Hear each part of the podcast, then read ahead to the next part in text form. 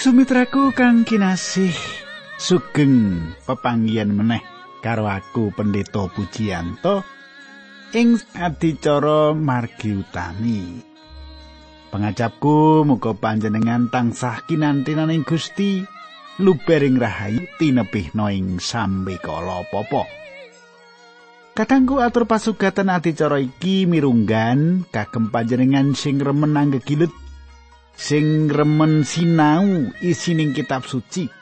Adicara iki isine cangkep runtut tur prasaja manut urutane ayat lan pasal saka kitab suci meratelake meh saben ayat kala-kala kanthi nggayutake karo panemune ilmu kasunyatan sarta kahanan urip pedinan panjenengan lan aku utamane ing babagan-babagan tata karohanen.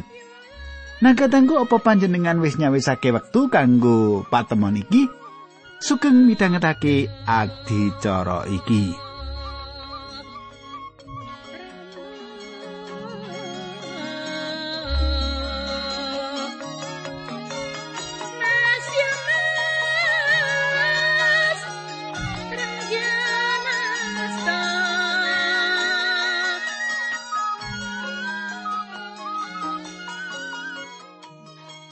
Kadangku kang dak tresnani.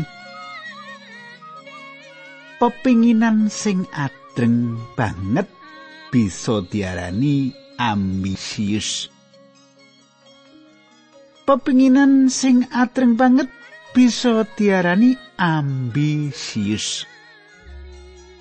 Ibune Yohanes lan Jepedius iki ambisius banget.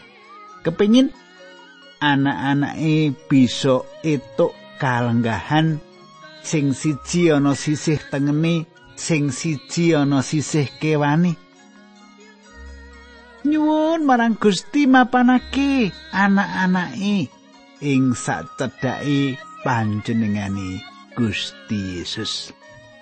Katengku saturunge tak terusake, ayo kita ndedonga dhisik. Nanging iki lho ana pokok doa saka adik Nike. Ya adik Nike ya. Kepiye kabare adik Nike? Wah, wis bocah cilik ya melu ngrungokke margi utami. ya pancen basa ngoko luwih bisa dingerteni sapa wae. Lan adik niki ditungake supaya enggal saras saiki wis bali saka rumah sakit. Nah, ayo kita ndedonga sesarengan. Duh Kanjeng Rama ingkang ada dampar wonten kraton ing kasuwargan kawula ngaturaken gunging panuwun menawi wekdal menika kawula saged tetunggilan. Kawula saged sesarengan sedherek-sedherek kawula ingkang setya tuhu midhangetaken adicara menika. Kawula ndongaaken adik kawula nika ingkang samenika sampun wangsul saking griya sakit. Supados Gusti sarasaken adik kawula menika Langkung saking menika kawula gintungake ingkang samenika wonten lari-lari ingkang wonten ing griya sakit awit saking sakitipun do Gusti. Kawula nyuwun supados Gusti mitulungi putra-putra paduka ingkang tasih alit menika. Lan tiyang sepuhipun supados sabar ngadepi cobaning gesang lan saged paduka sawesaken biaya-biaya ingkang dipun petahaken. Dinambaran asmanipun Gusti Yesus Kristus kawula ndedonga. Haleluya. Amin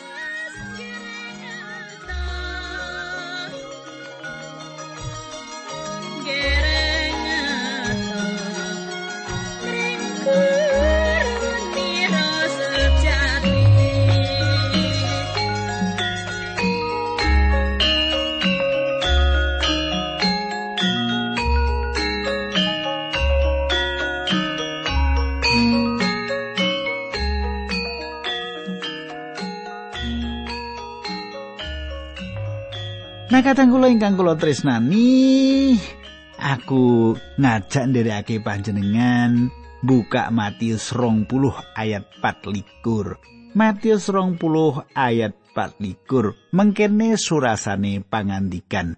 Bareng murid 10 liyane ngrungu bab kuwi padha nepsu marang wong loro sak sedulur mau. Pamirsa panjenengan pirsa kenapa para murid padha nesu Panjenengan pirsa, kenapa para murid padha nesu? Jalaran kabeh murid liyane, jalaran murid-murid liyane uga padha kepengin entuk papan ing sacedhake Gusti Yesus. Kayat selawe mulane Gusti Yesus banjur nimbali para murid kabeh sarta di kowe padha ngerti yen para penjajah sing duwe panguwasa kuwi nindes marang rakyat semono uga para pengedhe padha nindakake panguasane kanthi kenceng. Ayat 6 nanging tumrape kowe cara sing kaya mengkono kuwi aja kok tindakake yen ing antaramu ana sing kepingin dadi pengedhe kuwi kudu dadi rewang. Ayat 17 lan yen panunggalanmu ana sing kepingin dadi pengarep kuwi kudu dadi batur Kadangku kang tak tresnani Gusti maringi gambaran sing luwih cetha antarane lelati lan pepinginan dadi wong sing duwe kalungguhan. Antarane lelati lelados lan pepinginan dadi penggede utawa wong gedhe. Yen ana sing kepingin dadi penyanyi solo ing gereja, penyanyi ijen ngene ya, nyanyi dhewe. Ora susah. Ngelikake penyanyi solo sing wis ana. Yen kepingin dadi majelis. Ing wulan ngarep upamane ngono kepingin dadi majelis. Ora susah ngelek-elek majelis sing ana saiki.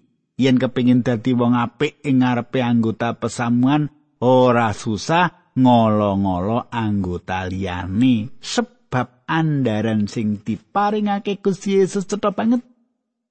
Pangandikan sing diparingake Gusti Yesus gamblang banget sing kepingin dadi gedhe kudu gelem dadi rewang. Lan yen panunggalanmu ana sing kepingin dadi pengarep kuwi kudu dadi batur. Ora susah kathik nganggo ngremehake utawa ngasorake kahanan liyan. Tindake Gusti Yesus wis sangsaya cedhak karo Yerusalem mula panjenengane ndawuhake sing kalimo bab kasangsarani Matius rong puluh ayat wolikur mengkene surasani ora pito karo putrane manungsa nggone rawuh ora supaya diladosi nanging malah ngladosi sarta masrahake nyawane kanggo ngluwari wong akeh. Ngono surasane ayat 12 Matius 20 ayat sing istimewa iki kudune dadi cekelane saben wong percaya.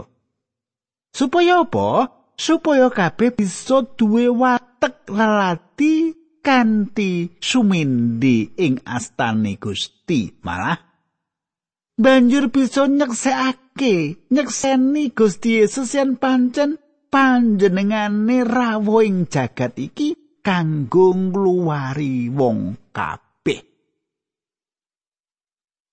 Matius rong puluh ayat songolikun nalika Gusti Yesus lan murid-muridé ninggal kutha Yeriko akeh wong sing padha nderekake. Mangkono tulisane ayat 21. Waktu iki Gusti Yesus lan para murid lagi mlaku saka Yeriko menyang Yerusalem. Kosok baline dalan saka Yerusalem menyang Yeriko sing diambah dening wong sing dirampok lan banjur ditulungi dening wong Samaria. Saiki Gusti nuju Samaria lan sedo uga kanggo rampok loro sing ana kayu salib. Nalika Gusti diadepake pradata, pengadilan saka tutuke ora ana tembung sing mbelani awake dhewe. Mbelani panjenengane dhewe. Jalaran? Jalan apa? Jalaran nalika iku panjenengane lagi dadi ganti tumrap kita wong dosa sing pancen ora bisa mbela awake dhewe ing ngarsane pradata. Mula kasangsaran sing dialami wong pracaya asring ora ana tembung utawa tindak kanggo mbelani badan piyambak mbela diri pribadi. Saiki ayat 30 Matius 20 ing pinggir dalan ana wong wuta loro padha lungguh bareng krungu yen Gusti langkung wong loro mau padha nguwuh-uwuh Gusti tedhaipun Sang Prabu Daud mugi kersa melasi kawula. Ngaten nggih nek di sandiwarake bengok-bengoki mengkono kuwi nah wong loro iku kenceng karepe nggone nguwuh-wuh supaya bisa dipireng dening Gusti Yesus ayat 31 Wong akeh sing ana ing kono padha nesu lan akon supaya wong loro mau menang.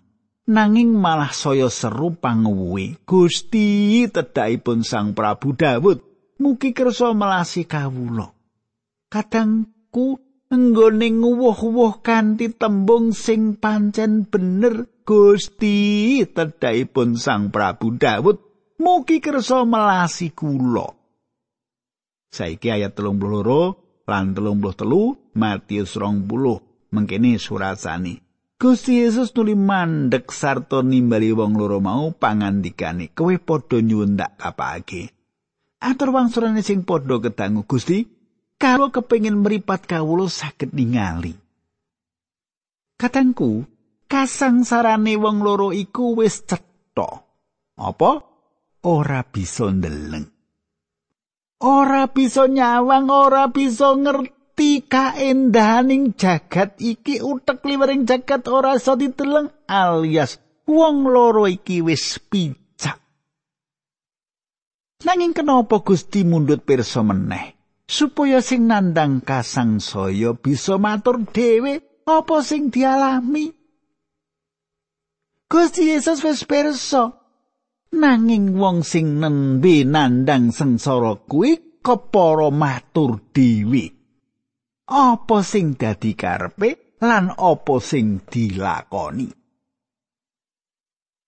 yen panjenengan kepengin nyuwun apa sing panjenengan perlokake matur kanthi wijang lan gamblang yen cunduk karo kersane Gusti bakal maringake panyuwun panjenengan badhe maringi Apa sing panjenengan suwun? Utamane kangge kawilujengane gesang panjenengan. Panjenengan kudu matur apa anane bab kekuatiran iku. Wawatekan kamanungsan kita. Tindak tanduk sing kita anggap becik kabeh ora ana ajine ing ngarsane Allah. Mula nyuwuna kanugrahan sing wis disediake kanggo kawilujengan panjenengan. Saiki ayat telung puluh papat. Gusti Yesus ternyuh penggali mergo saka welas. Banjur ndumuk mripate wong-wong mau senalika iku uga wong loro mau banjur padha bisa ndeleng tumuli padha nderekake tindake Gusti Yesus. Kadangku saka ternyuh penggali wong loro mau diwarasake nuli padha ngetut mburi sak tindake Gusti tindake tumuju menyang Yerusalem. Ing bab selikur iki Gusti Yesus wis kanthi resmi tindak Yerusalem. Nyucake pedalaman suci. Ndukani wet ora. Nuli serengan karo ahli Taurat lan Parisi sing pungkasan.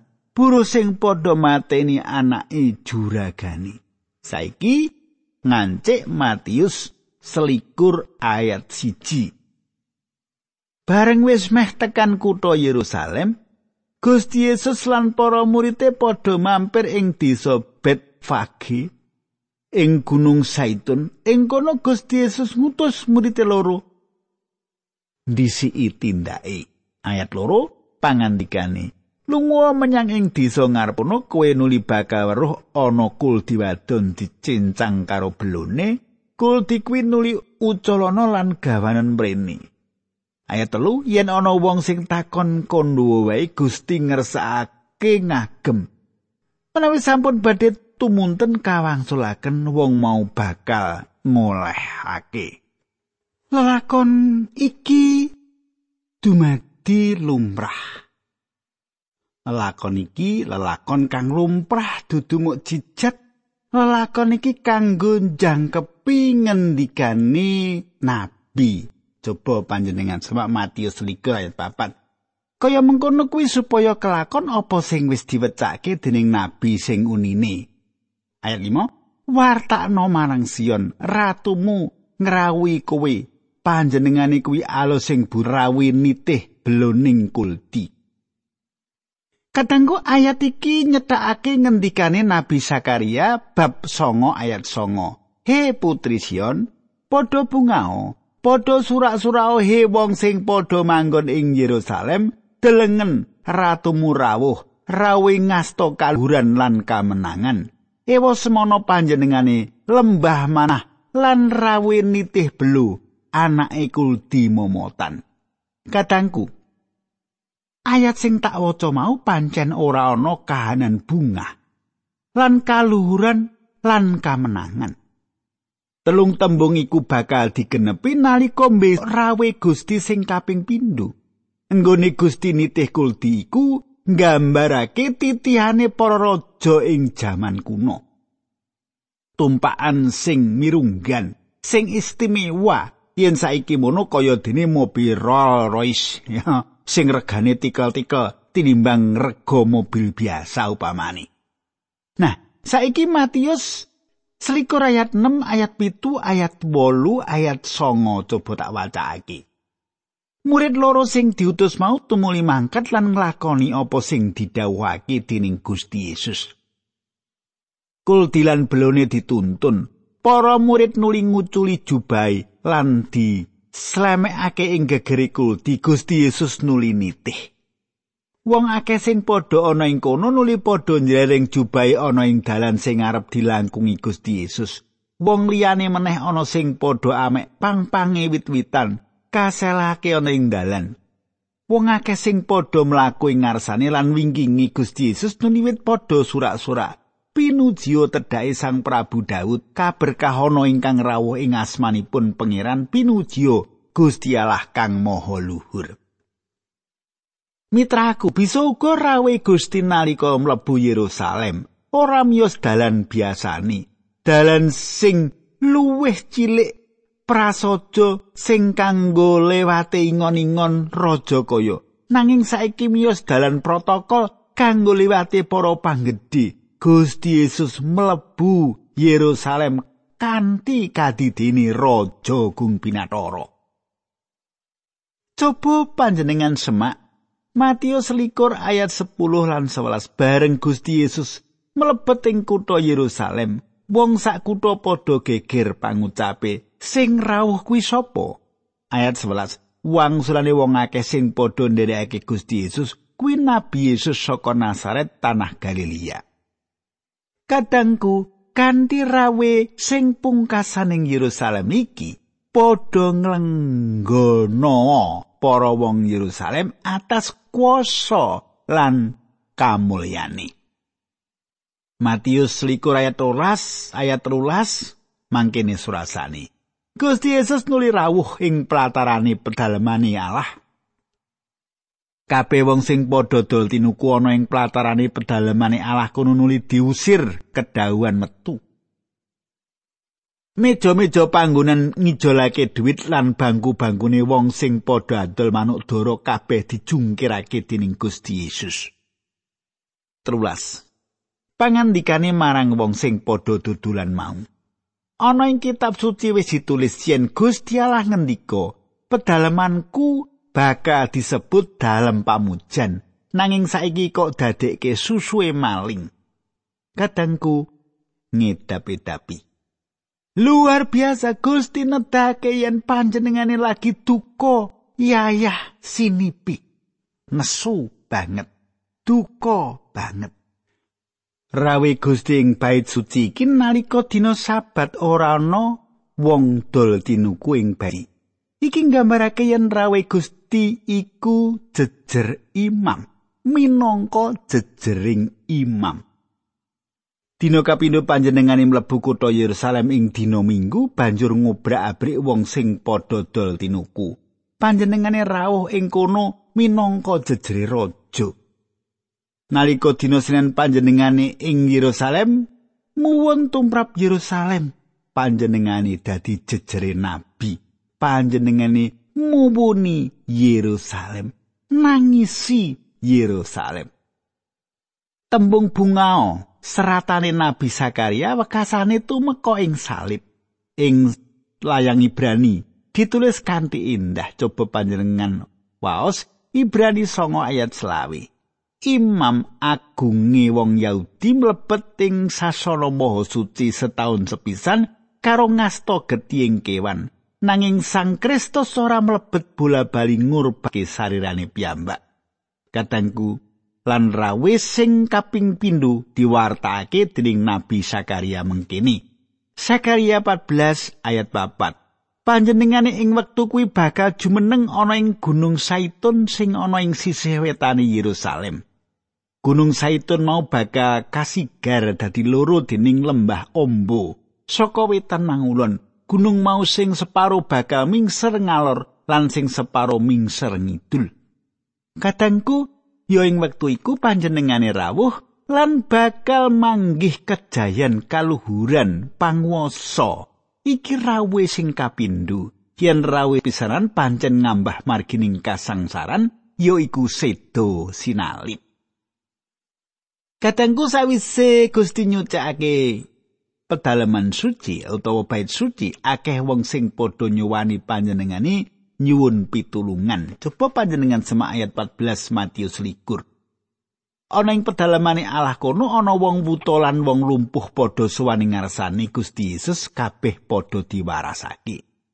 Injil Matius nggambarake sejatine lelakon yen akeh wong sing padha kapitulungan larane padha kasarasake dening Gusti Yesus.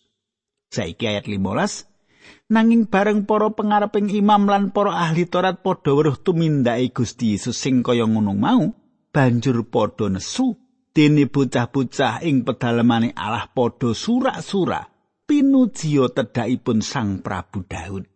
Kadangku para imam lan panggedene bangsa Yahudi padha kemeren meri marang Gusti Yesus sebab Gusti Yesus dipuji-puji, dialembono, diluhurake asmani. Matius likur ayat 16. para imam lan ahli Taurat mau padha matur marang Gusti Yesus.